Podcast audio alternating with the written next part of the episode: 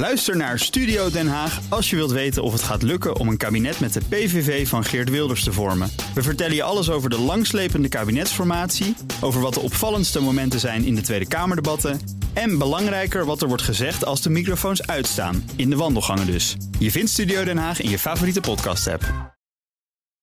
De Nationale Autoshow wordt mede mogelijk gemaakt door Leaseplan. Leaseplan. What's next?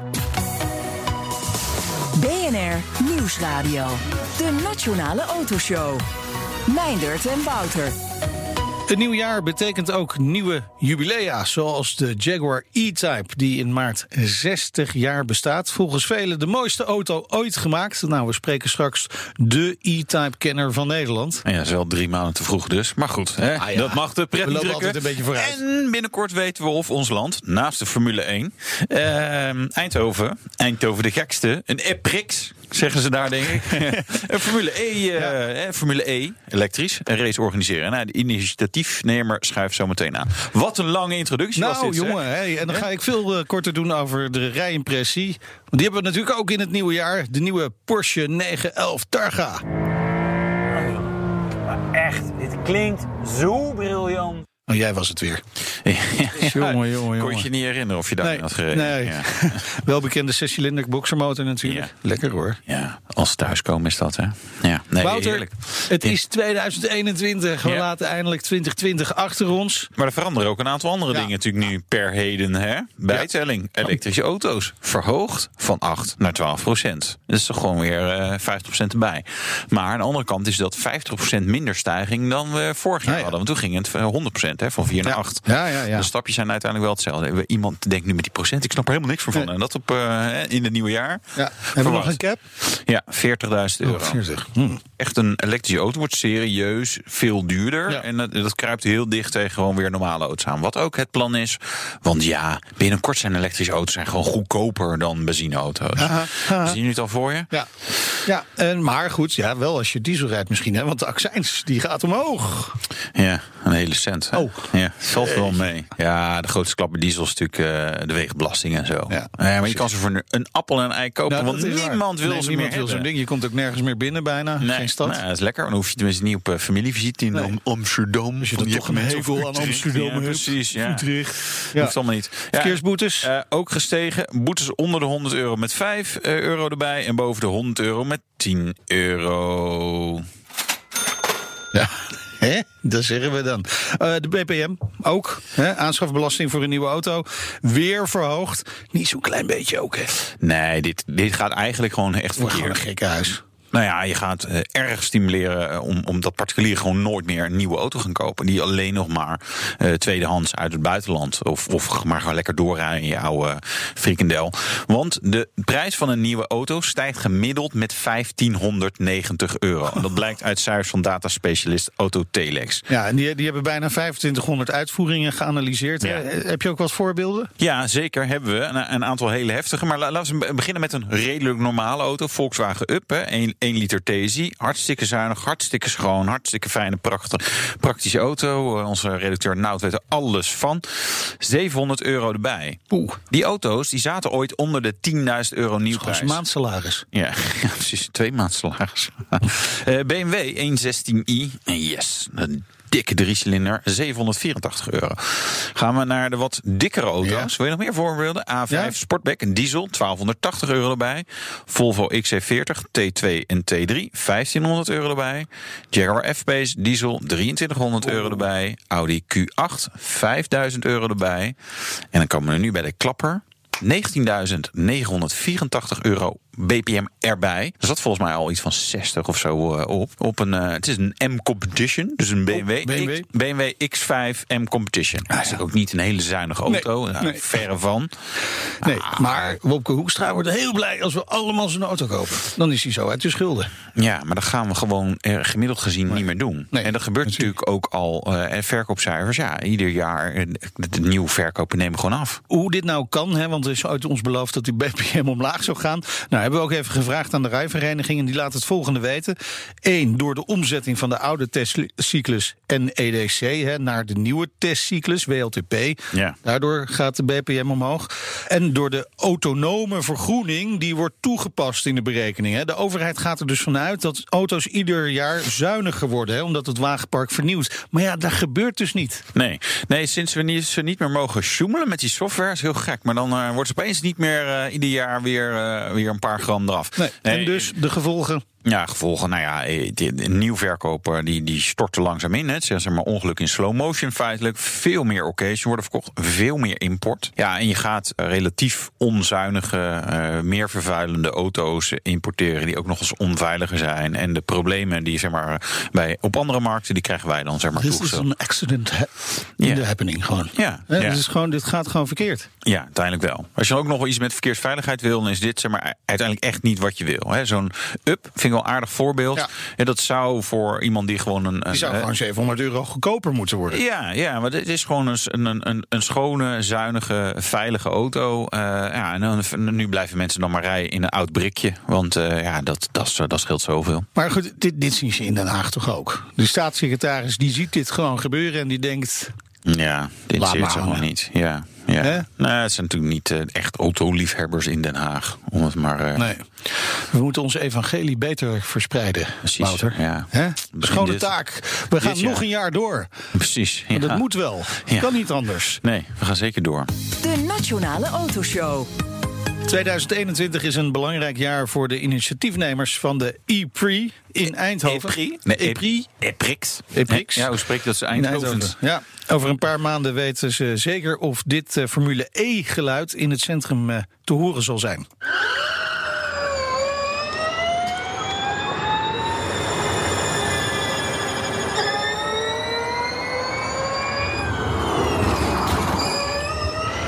Klinkt toch een beetje als de huishoudbeurs waar de nieuwe Dyson wordt gepresenteerd. Ja, of ik denk dat sommige mensen associatie hebben met de tandarts. Nee, Oh ja. dat ook. Ja, ja. Of een race van de tram. Tramrace. Tramrace, ja. Nou, de gast is eh, Peter Paul Laumans van de stichting Formula Eindhoven. Welkom, leuk dat je er bent. Dankjewel. Lekkere introductie hè, van ons. Wel. Ja, geweldig. Ja. Wel, wel gaaf hè, als je de beelden ziet van die Formule eh, I, eh, zoals we die afgelopen jaren hebben gehad, dan kan het best wel spectaculair. Dus ja, dat geluid dat blijft een dingetje voor ons. Maar goed, jij kwam met het idee om die Formule I naar Eindhoven te halen. Waarom? Nou, eigenlijk eh, omdat het eh, past bij de regio. Het, eh, de historie zit eigenlijk eh, als volgt in elkaar. Ik was een keer uitgenodigd om naar de Indy 500 te gaan. Ander geluid overigens. en ik was in de gelegenheid om daar overal eh, bij aanwezig te zijn. Ik dacht, ik gooi eens de knuppel in het hoenderhok bij de ja, gearheads, zoals dat zo heet. En ja, ik zat aan tafel met een aantal team principals. En ik zei, leuk allemaal, hè? 100 jaar al rondjes rijden, fossiele brandstof. Ja. Allemaal mooi. Maar waar zit nou de innovatie in jullie sport? En eh, de directeur van Andretti Racing zat aan tafel en die zei... Peter Paul, watch the next big thing in racing. It's going to be Formula E. Dus ik dacht, oké, hoe zit dat dan in elkaar? Ja, ze, ze rijden in stadcentra, elektrische motoren, veel eh, innovatie, social media, e-gaming. Ja. Allemaal heel erg belangrijk. Ik was toen helemaal nog niet met de gedachte bezig om dat dan naar Eindhoven te halen. Maar ik, was een, eh, ik organiseer al meer dan tien jaar innovatie-events. Ik dacht van, hé, hey, verrek. Misschien leuk om dat onstage eh te krijgen. Dat is een mooi verhaal. Ja. Nou, om een lang verhaal kort te maken. Zij stonden onstage. Ongeveer 350 zakelijke beslissers in de zaal. Tijdens de borrel en de bitterballen zeiden ze... Jeetje, dit past toch perfect in Nederland. En vooral in Eindhoven. Ja. Eh, Echt, als je die merkwaardes van Formule E ziet...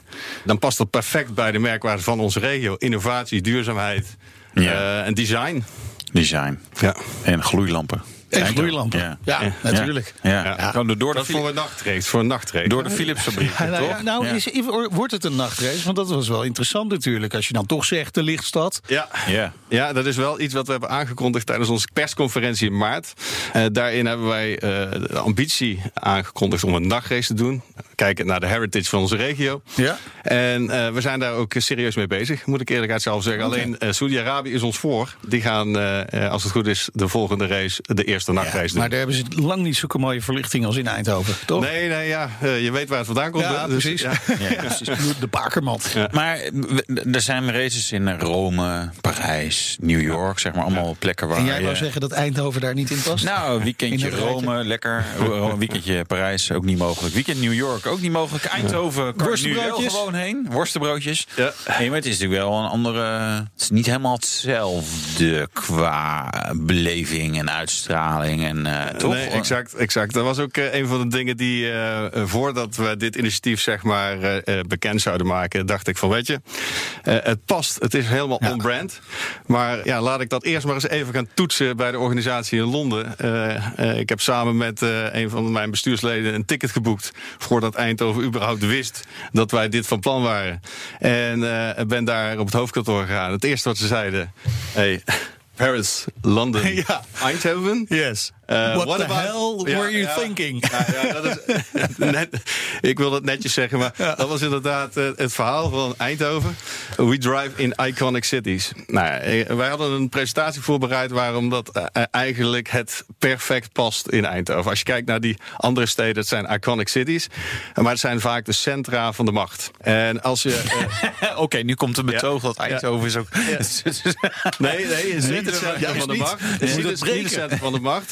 Zij hebben een verhaal over technologie, duurzaamheid, smart city, smart mobility. Ja. Maar wat, wat heeft het centrum van de macht nou te maken met jullie kernwaarden? Dat was eigenlijk Ah, mijn ja. betoog. En uiteindelijk vertelt wat er hier in, in Eindhoven allemaal gebeurt. Eh, het is eigenlijk eh, eh, nou, het Silicon Valley van Europa, laat ik dan even zeggen. Als je dat dan echt wil laden, dan moet je zijn in Europa waar dit allemaal gebeurt. Ja. En dat is Brainport Eindhoven. En op die manier hebben we eigenlijk de organisatie kunnen overtuigen van het feit van kom hier nou eens kijken. Oké, dus je, je, je ging eigenlijk gewoon met een akkoord op zak weer terug naar Eindhoven. Nou ja, niet met een akkoord op zak. Eh, eh, uiteindelijk eh, zeiden zij van, wij vinden het interessant om dat verder te onderzoeken. Maar ja, jij bent hier nu eh, als, eh, als mogelijk initiatiefnemer. Wij eh, hebben normaal te, te maken met eh, steden. Dus heb je je stad mee? Nou ja, dat was even een dingetje. Dat moest ik nog gaan doen. dus eh, ik was daarnaast uitgenodigd om eh, een eh, IPRI in Parijs bij te wonen. En daar was ik ook met een potentiële sponsor. Dus ik, eh, ik kreeg een rondleiding. En eh, ik zag, ik, we liepen door de Pitstraat. En eh, ik zag daar de Nederlandse coureur Robin Freins. Dat was Ja. destijds de enige Nederlandse coureur. Nu doet Nick de Vries ook mee. Ik zie hem lopen. Ik roep zijn naam. Trek hem uit de, uit de pit. En ik vertel heel even kort het verhaal. Ik zeg, ja, ik heb wel een ambassadeur nodig. Dus heb je daar oren naar? Nou, hij vond het allemaal geweldig. Home race natuurlijk. Ja. Een nummer opgeschreven. Ik had tegen hem gezegd, even nog niks zeggen. Want ik moet nog naar Eindhoven. Oeps. Dan is ja, eh, oeps. Voel een oeps aankomen. Ja, je voelt een oeps aankomen. Dat was inderdaad een oeps. Eh, op een gegeven moment begint mijn WhatsApp als een, hele, als een dolle te ratelen. Hey, gefeliciteerd, geweldig. Eh, leuk dat het gelukt is, geweldig. Maar ja, hij had zijn mond voorbij gepraat bij de volgende IPRI in Berlijn. Had hij tegen een, een journalist gezegd van... nou, er zijn initiatieven in Eindhoven. Nou, dat werd opgepakt. Vervolgens kwam dat in de media. Ja, toen moest ik, moest ik natuurlijk nog even naar mijn stad om te Ja. verantwoorden. Nou ja, dat was een sleutelmomentje in waar we mee bezig zijn. Uiteindelijk eh, kan dat het eh, moment zijn waar alles wat je erin hebt gestoken explodeert in je gezicht. Of het wordt omarmd. Nou ja, jullie weten nu hoe het zit. Eh, Het laatste is gebeurd. Ja. De stad heeft het ook omarmd. En Nou, we- ontarmd, ontarmd. Wat, wat is de bijdrage Precies. van de gemeente Eindhoven in dit verhaal? Nou, de, bijdrage in de gemeente in, in euro's is volgens mij nul, hè, geloof ik. Of, eh, In, in deze fase, dat was een, van- dat was een van de deze, voorwaarden. ja, ja. In deze fase was Ja. een van de voorwaarden voor eh, de formele kandidatuur. Dat wij eh, in zeg maar, het voorbereidingstraject 0 euro gemeenschapsgeld van de gemeente Eindhoven eh, zouden eh, ja, nuttigen. En eh, nou, dat, dat risico hebben we genomen. Ik heb net vernomen dat jullie ook ondernemers zijn. Ik ook. Uiteindelijk hebben we gezegd van we gaan een stichting oprichten. De mensen die destijds hebben aangegeven, hè, dat was ook een stukje validatie. Bedrijven die toen hebben gezegd van dit wordt bij Eindhoven. Ja, die ga je nog eens een keer even op de deur kloppen. En uiteindelijk hebben we een eerste, ja, wij noemen dat een soort launching event gehad in de oude boardroom van Philips. Nou, het gaat over story storytelling, gaat Ja, over heritage. Om, om daar de eerste ja, bedrijven. Maar, maar eh, zijn dat ook het soort bedrijven dat meedoen? Philips, ASML, eh, eh, NXP, allemaal van dat soort bedrijven, die grote namen? Die grote namen. Of is het vooral de frietzaak? Nee, nee, nee, het zijn niet de frietzaken. We hebben nu eh, zeg maar een, een aantal bedrijven eh, die eh, in het voortraject het touw, de touw hebben getrokken. Ja. Dat is een SAP, dat is Eindhoven Airport, Renewy, eh, Hermes. Ja. nou, dat zijn dan de, de klanten van VDL bijvoorbeeld. Wel zijn de gesprekken met de, de andere partijen natuurlijk ook gaande. Maar nu zitten we bijna bij het, het go-no-go moment. Ja, waar hangt het nog vanaf? Nou ja, dat, dat, dat hangt altijd van de, commercial agreement af, zullen we maar even zeggen. hè? de Van, centen. doe je het, ja, de centen. Eh, doe je dit voor drie jaar, doe je het voor vijf jaar? Eh, op welke manier worden de rechten verdeeld? Dat soort zaken. Daar zitten we nu aan, eh, eh, aan de onderhandelingstafel mee. Ja. En, maar moet er gemeenschapsgeld bij komen? Moet de gemeente Eindhoven of eh, de provincie Brabant iemand iets, iets bijdragen? Of, of valt dat wel mee? Zoals wij dat zeg maar bekijken, is dat een, eh, eh, de manier waarop je het presenteert, waarop je het positioneert. En eh, wij gebruiken natuurlijk deze IPRI. Hè, de oorsprong heb ik jullie net verteld. Bedrijven en ook de regio heeft gezegd van dit is een heel mooi evenement omdat het on-brand is. Daarmee krijg je ja, een soort schijnwerper van de wereld op je regio. En als dat het geval is, dan gaat het verder dan alleen maar een initiatief van iemand die het leuk vindt om elektrische auto's te laten rijden. Ja. Dus eh, vanuit dat, dat oogpunt eh, zit er een, een overheidsbijdrage in. Daar houden we wel rekening mee. Oké. En, en hoe reëel is het dat die ook komt? Of, of ben je, zijn jullie nog aan de onderhandelingstafel? Ja, wat dat betreft zijn er allemaal processen eh, en trajecten die lopen. eh, die overigens eh, zeer goed lopen. Dus eh, eh, ja, daar kan ik nu even geen uitspraak over doen. Maar, Maar hoe dichtbij ben je dat je zegt, oké, het is rond? de organisatie, eh, eh, het proces van toekenning werkt eigenlijk als volgt. Je krijgt eerst de formele kandidatuur. Ja. Vervolgens krijg je een heel traject waarin eh, diverse circuitopties onder de loep moeten worden genomen. Je moet een contact maken met de, de Nationale Autosportbond, hè, de KNAF Ja. in dit geval. De KNAF. Ja, die vindt het prachtig. ja, die vinden het prachtig, zeker. Maar die moeten het formeel indienen bij de FIA. Ja. Dus wij niet. En in dat voortraject heb je een heel technische studie. Dus wij hadden, ja, ik droomde al twintig soorten circuits, hè, dat kun je je wel voorstellen. Uiteindelijk zijn er vanuit drie, is er eentje, eh, zeg maar, uit voortgekomen. Die optie, die moet door een onafhankelijk track designer getoetst worden op veiligheid en op de FIA-normering. Dat is gebeurd. Uiteindelijk hebben we daar een eh, rapport voor gekregen. Wat moet er allemaal nog aangepast worden? En dan ga je naar de commercial agreement en dan ga je naar de FIA World Motorsport Council. Ja, en daar zitten we nu. Eh, Ik zou zeggen 95 procent. 95 procent. Oké. Twee jaar lang werk. Ja, ja, precies. Ja, dat is be- best lang. We gaan eh, straks nog even naar dat circuit. Dat zijn interessante dingen die je zegt. Ja. Maar even, want uiteindelijk gaat het toch gewoon om die commercie. Om, om hoeveel geld gaat het? Wat heb je nodig om zo'n IPRI te organiseren? Ja, dat is altijd, hè, Nederlanders willen over geld praten. Ja. eh, Uiteindelijk eh, hebben we het over, wij noemen het natuurlijk een investering. Een investering van tussen de vijf... ja, daar wordt het bedrag niet anders van. hè? Nee, nee, nee, nee, nee, nee, daar wordt het bedrag niet anders van. Maar er is ook een onafhankelijk economische haalbaarheidsstudie al geweest. Dus eh, als ik dan moet vertellen van hoeveel er geïnvesteerd moet worden, hoeveel er, wat de opbrengsten zijn, dan is dat in ieder geval meer dan er geïnvesteerd moet worden. Ja. En je hebt het over een bedrag tussen de 15 en de 20 miljoen per jaar wat je nodig hebt voor zo'n race. Dat is best fors. Ik, eh, ik had het lager ingeschat. En zonder enige kennis Ik- van ik eh, dit soort evenementen. 2, hoor. 3 Dus, miljoen, zoiets? ja, dus Ja, blijkbaar dat meer. is Waar, waar, ontzettend waar- weken waar- dan. zit- waar zitten de meeste kosten in? eh, Omkopen van de gemeente. Ja, ja die gemeente. Nou, het is nu. eh, de gemeente heeft zich teruggetrokken. Nu officieel. Jammer, het gaat niet door. dankjewel, jongens. Wat een leuk idee. Lekker stukje exposure Ja, dit. nee, maar die, F- nee, die envelopjes kunnen Serieus. Maar waar zit dat geld in inderdaad? Nee, dat zit hem eh, voornamelijk in, in eh, omdat we geen circuit hebben wat eh, zeg maar beschikbaar Ja. is. Hè. Eh, je moet behoorlijk wat aanpassingen doen in de publieke ruimte. Veiligheidsmaatregelen van de FIA zijn enorm streng, strikt. Dus je moet al die faciliteiten realiseren. Eh, we zijn nu met een, een, een aantal grote aannemersbedrijven bezig... die inmiddels al eh, het Ja. rapport hebben gezien.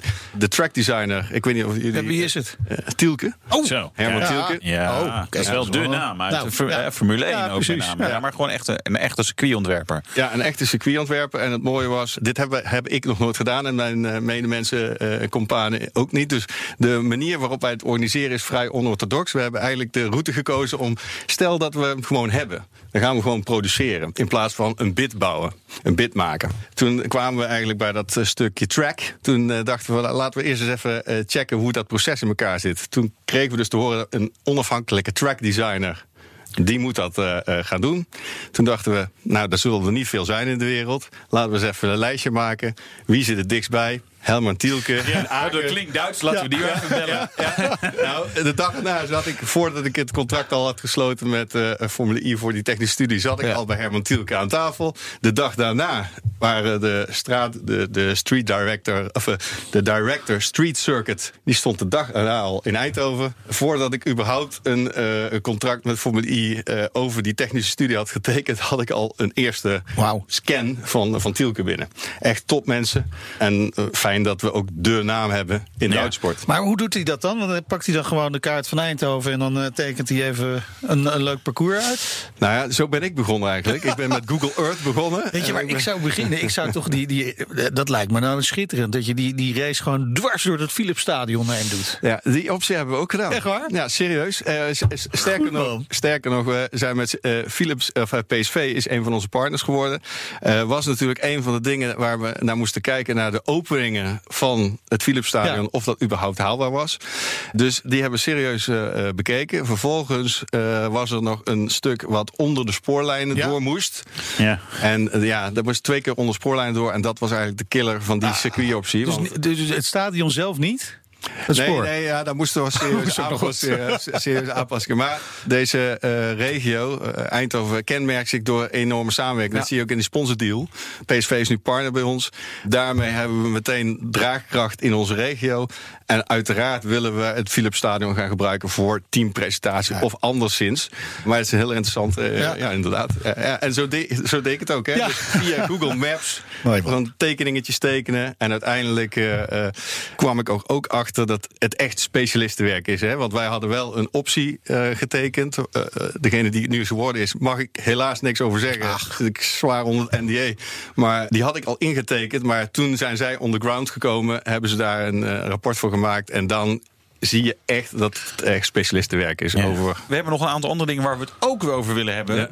Want ja, eh, leuk. Het is allemaal onder optie. En je bent lekker aan het onderhandelen met iedereen aan het, aan het eh, ouwe hoeren. Zoals ze dat in Rotterdam Nou, zeggen. 95% kans dat het 95%. doorgaat. Eh, Wanneer moet die beslissing vallen? in maart. Maart. Ja. Ah, je hebt nog drie maanden. Ja, relax joh. Makkelijk. Gewoon nog even windsport. Oh nee, dat mag niet. Nee, dat mag niet. Nee. Maar wordt dat nog doorpezen? Want eh Nee, serieus nu door. heel ver. Nee, serieus doorpezen. We hebben een, een strategie om de hele financiering rond te krijgen. Dat noemen wij de coalitiestrategie. Nou, en weer de link naar de samenwerking met de regio. Dat zie je ook. De, de bedrijven willen heel graag samenwerken in deze regio. Maar je hebt natuurlijk ook wel gradaties. En er zijn een aantal partijen die hebben een global footprint. Ja. eh, waar, eh, ook een aantal namen die, je, eh, die jij net noemde.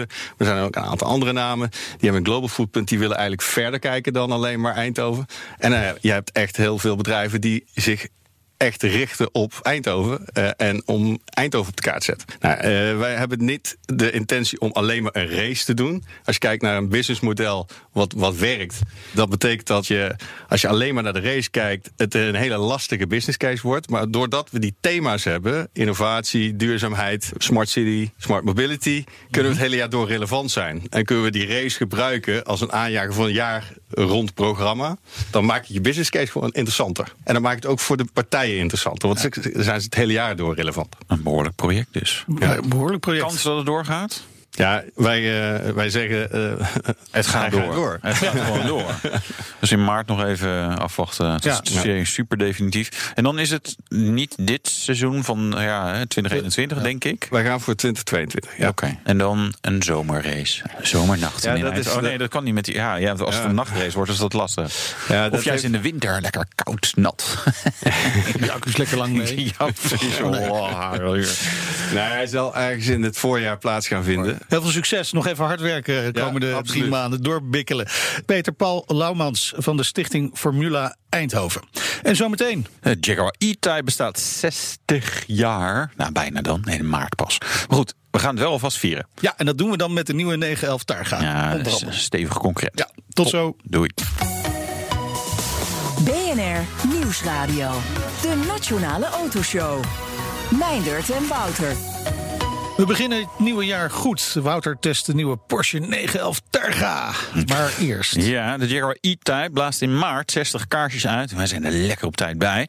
Eh, want die mijlpaal gaan we alvast vieren. Want het is zonder twijfel een van de mooiste auto's ooit gemaakt. Ja, en dat vindt ook Bas Spekenbrink. Hij is eigenaar van het eh, E-Type Center Europe in Beeldhoven. Welkom, leuk dat je er bent. Dankjewel. Leuk om te zijn. Ja, nou mooi. Dat, dat zullen we nog maar zien. hè.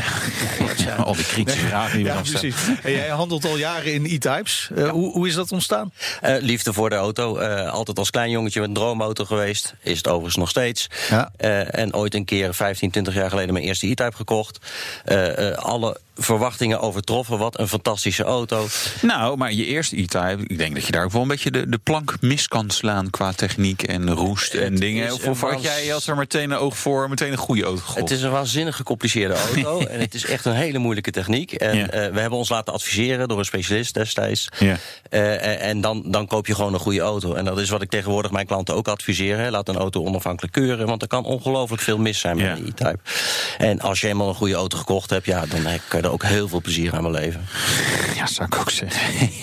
Je, je, je focus ligt op de Series 1 modellen. Leg, leg de verschillen eens uit trouwens. Laten we daar eens beginnen. Je hebt drie series. De eerste serie was 6 cilinder, 3,8 of 4,2 liter. Ja. Eh, toen kwam later de serie 2. En dat was door de Amerikaanse eisen een beetje een, een, een, een gemoderniseerde auto. Zag er wat minder mooi uit. Grotere grill, grotere knipperlichten, twee carburateurs, emissie-eisen, dat soort dingen. En toen kwam later kwam de V12, de serie 3. En dat was echt een auto voor de Amerikaanse markt. Ja. Hele grote uitgebouwde wielkasten, brede wielen, nog een grotere grill. Ja. Gericht op comfort, airconditioning mogelijk, dat soort dingen. Ja. Maar eigenlijk de puurste E-Type is toch wel de eerste serie. Daar zijn er ook het meeste van gebouwd. En alle liefhebbers vinden dat toch echt wel de mooiste auto. Ja. Ja, aan de andere kant zou je kunnen zeggen, joh, doe mij gewoon de dikste. En dat is dan, dan toch de V12. Ja, ja, ja, en dat is een hele aparte doelgroep. Dat zie je ook wel. Hè. Je, hebt, je hebt liefhebbers voor de V12 en die vinden ook echt alleen maar de V12 de mooiste auto. Oh ja. Ja. Eh, en, en daar is ook echt wel een hele specif- specifieke doelgroep voor. Maar over het algemeen vindt iedereen toch wel de eerste serie de, de mooiste serie. Ja. En dat is ook de reden dat jij focust op de eerste Ja, serie. ja, ja, dat is, ik vind het de mooiste auto. Eh, ik heb zelf niet zo heel veel met de serie 2 en de serie 3. En eh, ik heb gedacht, van, ja, ik doe alleen maar auto's die ik zelf leuk vind en zelf mooi vind. En dat is de eerste serie. Ja. En sinds dat ik zo'n 10 jaar geleden begonnen ben, heb ik daar meer dan 120 eh, auto's van gedaan, gekocht en verkocht. Dus eh, ik heb wel redelijk kijk op de auto en op de, op de markt. Ja. En eh, hoe is die markt? Is die, eh, er is, er zijn ze ook meegepiekt met, met de waardes van, van, van iedere klassieke auto? Ja, ja, er waren ja. twee, drie jaar geleden natuurlijk al iedereen goud in handen. Ja, Beste investering die je ooit kon doen. Je hebt een beetje eh, 2013, 14, 15, dat was die bubbel. Hè, die drie jaar dat die, eh, die prijzen omhoog schoten. En sommige auto's exponentieel. De Porsches, de Ferraris, Maseratis. Ja. En je ziet dat sinds begin 2016 is dat een beetje terug aan het lopen. Eh, gaan de prijzen weer een beetje terug naar een normaal niveau. Ja. Dus het is eh, in vergelijking met eh, 2015 het hoogtepunt... zijn de prijzen van eigenlijk alle klassieke auto's... al best wel weer, weer wat teruggelopen naar een ja, wat normaler Norma- niveau. ja. Ja. Ja. Wat, wat maakt de E-Type zo bijzonder? Ja, eh, Ja. als je zo'n auto ziet staan. Het is, Ja. eh, ik doe het nu tien jaar, ik heb 120 auto's gehad. Maar elke keer als ik weer een E-Type ga bekijken... ja, ik krijg er weer een warm gevoel van. Ik denk, wat een fantastisch mooie auto. Maar wat maakt die voor jou dan zo mooi? hè? De meeste luisteraars zullen hem wel kennen. Een enorme lange neus. eh, Ja. Een beetje coupé-achtige daklijn. Ja, Tenminste, hij- als je een cabrio niet hebt. Ja, klopt. Nee, ik vind de coupé ook echt de mooiste. Vind ik veel mooier dan een cabrio. En wat je ziet, in 1961 kwam die auto uit. Hè? En wat er toen op de Engelse wegen reed... ja, dat was een beetje Morris En Austin A35's... en weet ik wat. Het was allemaal een beetje eenheidsworst. En dan kwam die E-Type in 1961. Dat was revolutionair. En dat, dat vond eigenlijk iedereen. En de, de pers was ook echt eh, eh, laaiend enthousiast over die auto. Schreef alleen maar positief. Die auto was gelijk vanaf de eerste beurs dat hij geïntroduceerd werd in Genève in maart 61... was die meteen uitverkocht. En het was gewoon een revolutie. Het, het, het was een mooie auto. Zelfs, zelfs Enzo Ferrari was complimenteus over de E-Type. Nou, dat wil Dat, dat wil wel wat Als zeggen. en ja. zoiets leuk vindt, dan... eh, ja.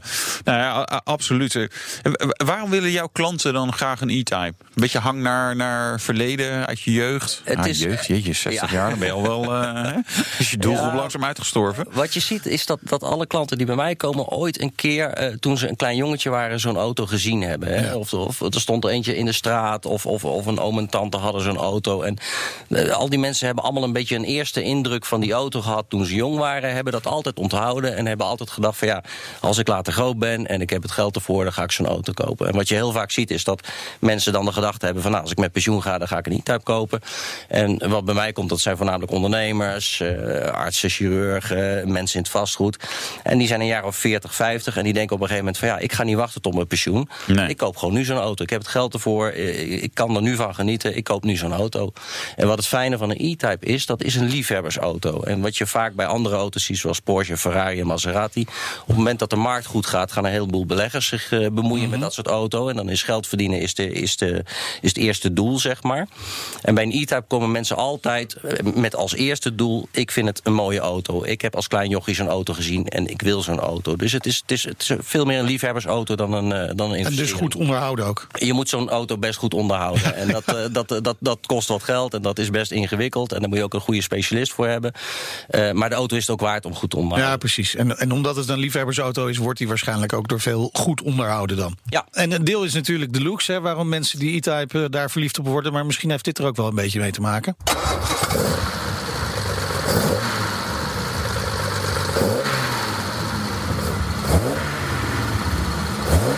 Maar dit is, eh, dit is die zescilinder, hè? Die, die eh één serie. Ja. Mooi op het einde. Ja, het, het is fantastisch. Maar wat, wat ik net al zeg, elke keer als ik zo'n auto zie staan, word ik enthousiast. En elke keer als ik hem start, dan word ik weer net zo enthousiast. En het is natuurlijk wat, hè? 265 pk, 1961. Ja. Zo'n auto ging 150 mijl per uur. Nou, dat is 240 Ja. kilometer per uur. Ja, in 1961. Claim dus, hè? Dat is wel zo'n... eh, Jaguar heeft een paar van die claims met topsnelheden. De- Heb je het wel eens gereden in een E-Type? Of is het...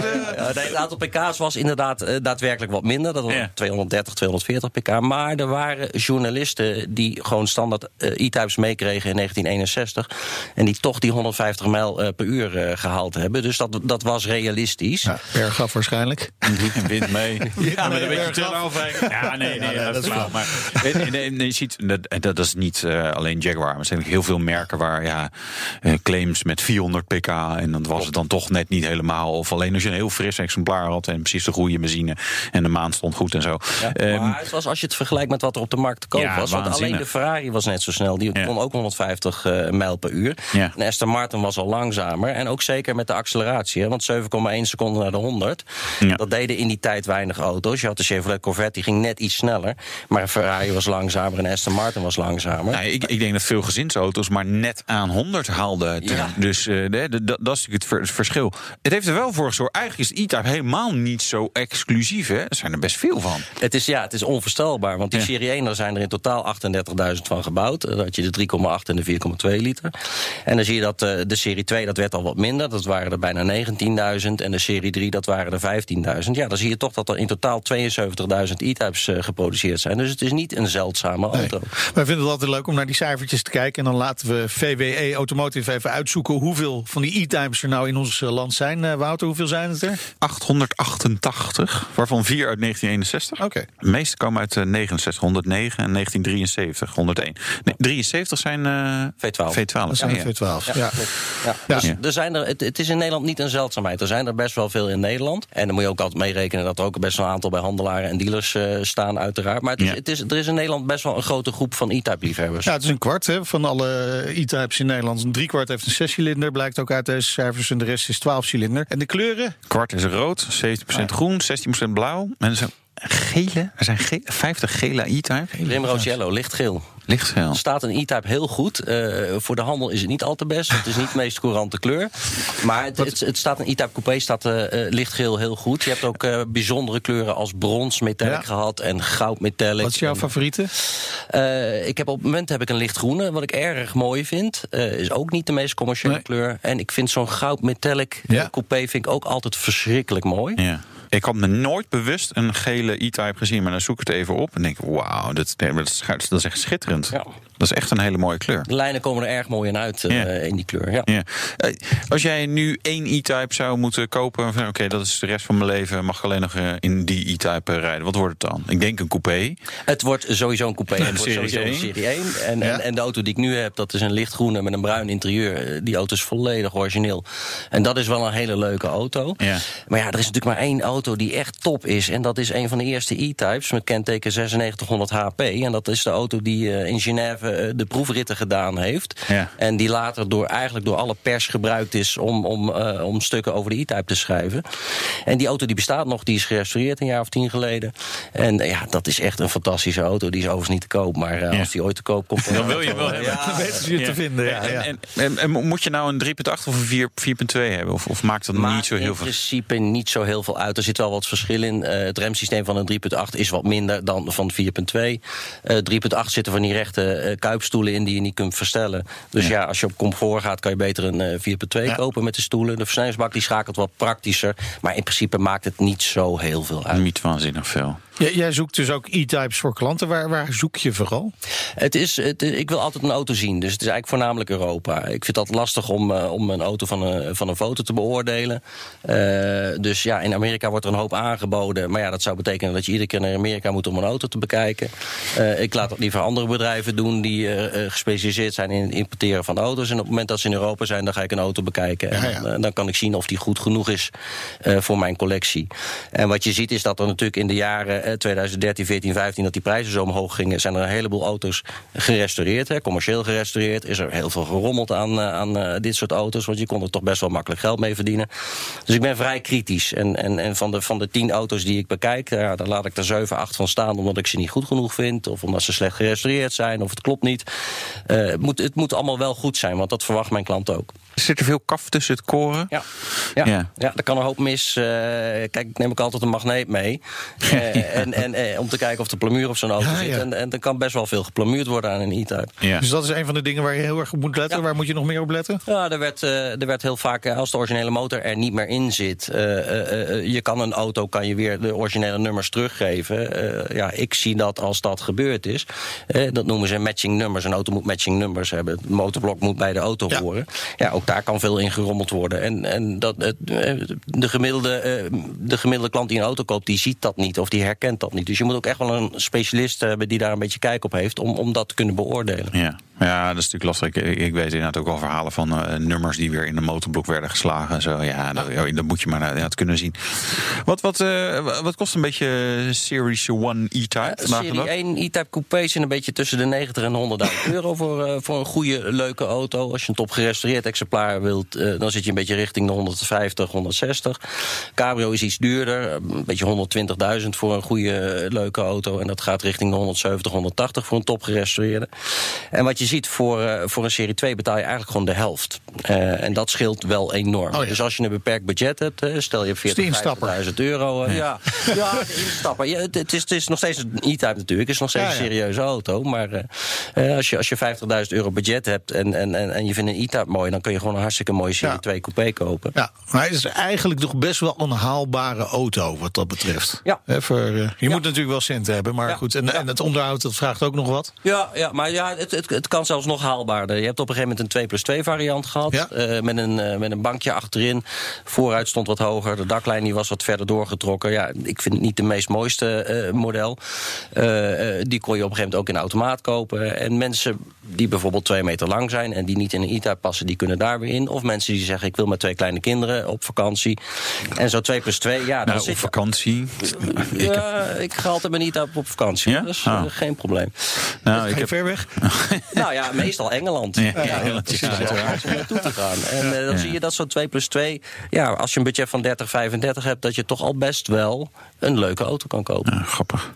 Je bent natuurlijk niet de enige eh, E-Type fanaat eh, in Nederland, in de wereld, maar zeker ook niet in Nederland. Een bekende is natuurlijk tv-presentator Jort Kelder. hoe ik er ook naar kijk, en zeker die vroege E-Types, dus niet de serie anderhalf, de serie 2, maar die, ja, ik vind gewoon ademnemend die auto, van alle hoeken, vooral van achteren. En eh, die voorkantjes die zie je nog wel eens, maar vooral die achterkant en die, ja, dat klopt gewoon compleet. Dus dat kan nooit kapot. Ja, kan nooit kapot eh, bij uh, Jort Kelder. Toch heeft hij uh, zijn serie 3 heeft hij wel verkocht. Ik had al een paar jaar dat ik dacht van ja, ik vind die 12 cilinder, het is geen sportauto. Weet je, het is met automaat stuurkrachting. Uh, door dat 12 cilinderblok is die auto ook wel een paar honderd kilo zwaarder geworden. Er zit een bul van een 5,4 liter motor in, 310 pk. Ik vond hem ontzettend elegant, prachtige auto. Maar ik wilde eigenlijk al jaren een sportauto. Dus een, een serie 1 en dan die is een late serie 1. De, het probleem van de vroege serie 1, die, die we dan nu gaan vieren omdat hij zoveel jaar bestaat, uh, dat is dat hij wel heel klein is van binnen en helemaal op Engelse maatjes. En ik had die oude E-Type ook met mijn, mijn broer die heel ver weg woont, die er één keer per jaar drie dagen in rijdt. Die past dus niet in een serie 1. Ik heb nu tegen hem gezegd, ik ga afvallen, ik ga maar naar de sportschool, uit. Ja, en dus Jort, die serie 1 gaat er dus gewoon komen? Ja, ik hoop in de loop van 2021, anders jaar erop, een... Uh, een serie 1 gekopen. Ja, ik weet precies wat. Battleship Grey met rood leer. Zo. Nou Bas, je kan aan de bak. Uh, hij is altijd welkom. is het een beetje makkelijk te vinden, die uh, Battleship Grey met rood leer? Of is dat een, bijzondere, ja, een bijzondere combi? Gun Metal Grey, dat is wel de meest favoriete kleur. En als ik een Ja. auto in die kleur heb, dan is hij ook altijd wel vrij snel verkocht. Ja. Eh, Oeh, Jort, jammer. Geen onderhandelingsruimte ja, hier. ja. Maar de, er worden heel veel auto's gerestaureerd in die kleur. En, en dan maakt het niet zo heel veel uit als die auto origineel wit of geel geweest is. En hij wordt gerestaureerd in eh, E-Type Gun Metal Grey. Eh, dat doet niet zoveel eh, op de waarde af. Dus, Nee, eh, waarom zijn, eh, denken? hè? Nou ja, jeetje. Maar- ja, waar- zolang, waar- het maar, zolang het maar een originele E-Type kleur is, dan, Ja. eh, dat is het belangrijkste. Ja. Ja. Dus ze zijn zeker nog eh, te vinden, absoluut. Ja, ik zou wel die, die Primrose Yellow, eh Google dat, denk ik, ja, dat vind ik wel voor zo'n auto echt wel heel, heel tof. Ehm, welke uitvoeringen zijn nog meer in trek? Wat, wat, waar, waar, waar gaan mensen voor, voor de E-Type? Ja, het is, het is toch voornamelijk de kleur wat, wat heel erg bepalend is voor zo'n auto. Want heel veel opties zaten er eigenlijk niet op. Je kon een radio krijgen en een, en een extra buitenspiegel. Eh, en ja, meer, meer was het eigenlijk niet. Dus het is toch, mensen laten toch vaak afhangen van de kleur. En of ze dan een coupé of een cabrio willen, is natuurlijk belangrijk.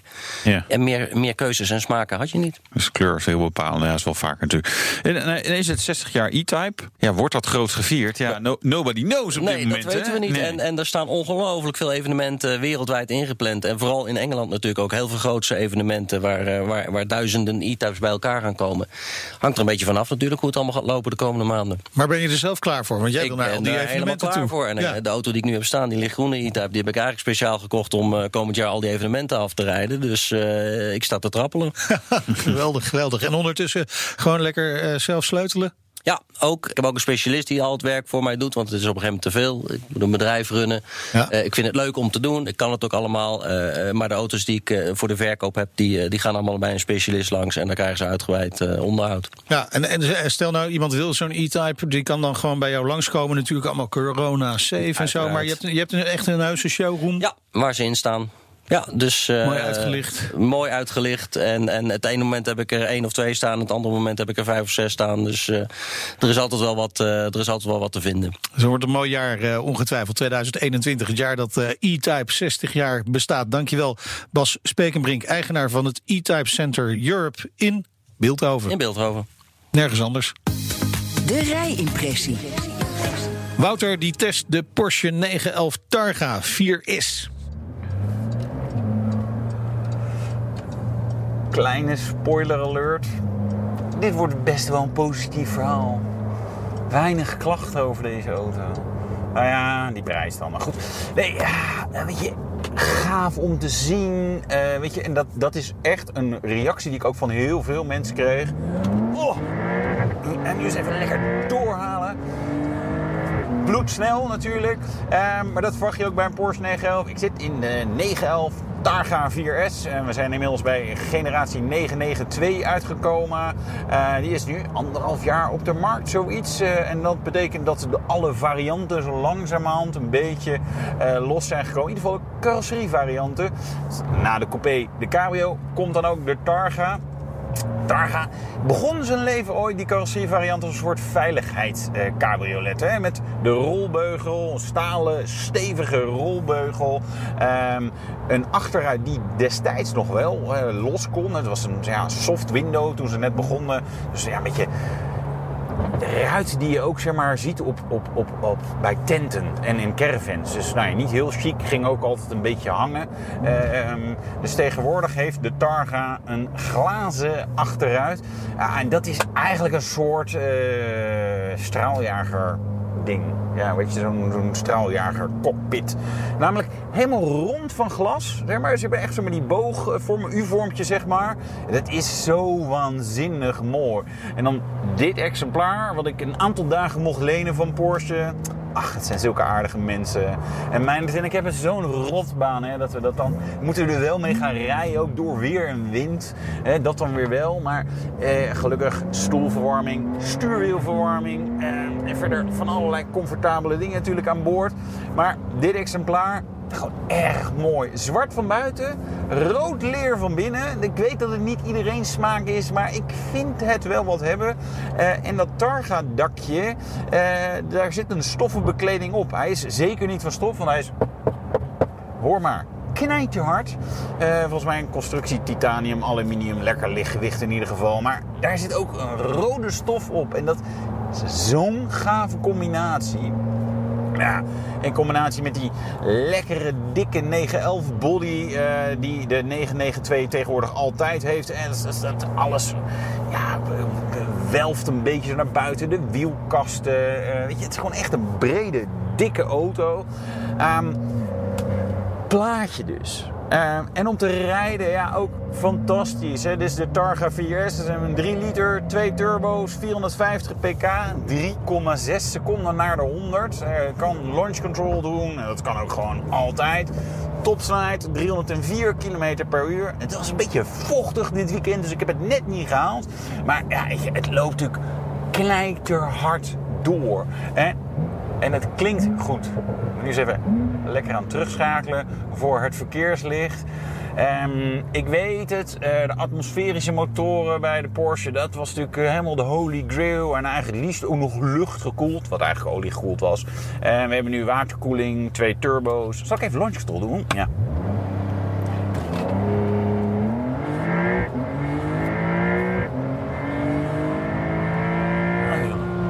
echt, dit klinkt zo briljant ook. Af en toe lekker een turbo die afblaast. Ja, de Porsche 911 Targa 4S. Ja. Met of zonder dakje gereden? Mm, heel veel met dakje. Het was ja. zo slecht weer. Nee, uh, Toch, hè? Ja, wat wel grappig is, is, is dat uiteindelijk vind ik dat toch lekker om gewoon mijn dak dicht. Maar ik, ik, dit, is, dit is wel zo ontzettend. Het was gewoon echt een mooie uitvoering. Weet je? En dan kreeg ik ook gewoon veel reacties van mensen Ja, ja, gewoon op kleurstelling. En mensen van nou, zo zou ik hem wel willen hebben. Joh, ik, ik ook wel. Eh, ja, eh, mooi. Mooie techniek ook. Ik vind dat dak, ik vind dat blijf ik zeg maar een soort magisch vinden hoe ze dat hebben uitgevonden. Van, eh, dat je zeg maar, die heel die achteruit klapt naar achteren. En dan gaat het dakje wordt, eh, zeg maar, eh, Het is, het is noodloos complex en zwaar. Maar ja, aan de andere kant. Wel gaaf, gewoon Ja. gaaf. Ja, ja. Ja. Ja, absoluut. Ja. Dus ouderwets goed gelukt, maar met weer nieuwe snufjes. Nog beter dan de vorige. Ja, ja, ja, ja, ja, ja. Duurder ook natuurlijk. Ja, Want, want, want, wat mag het kosten?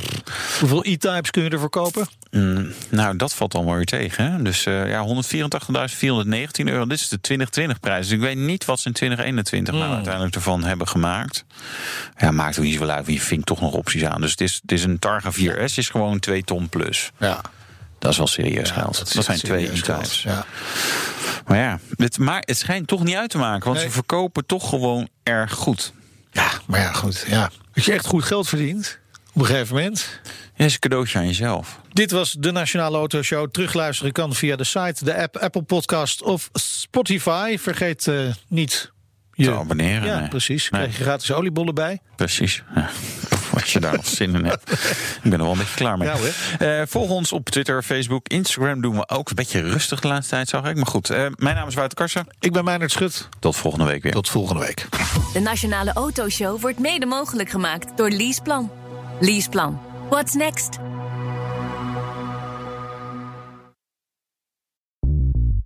Bij BNR ben je altijd als eerste op de hoogte van het laatste nieuws. Luister dagelijks live via internet. Bas van Werven. En heel langzaam komt de zon op rond dit tijdstip. Je krijgt inzicht in de dag die komt op BNR, het Binnenhof in Nederland en de rest van de wereld. De Ochtendspits. Voor de beste start van je werkdag. Blijf scherp en mis niets.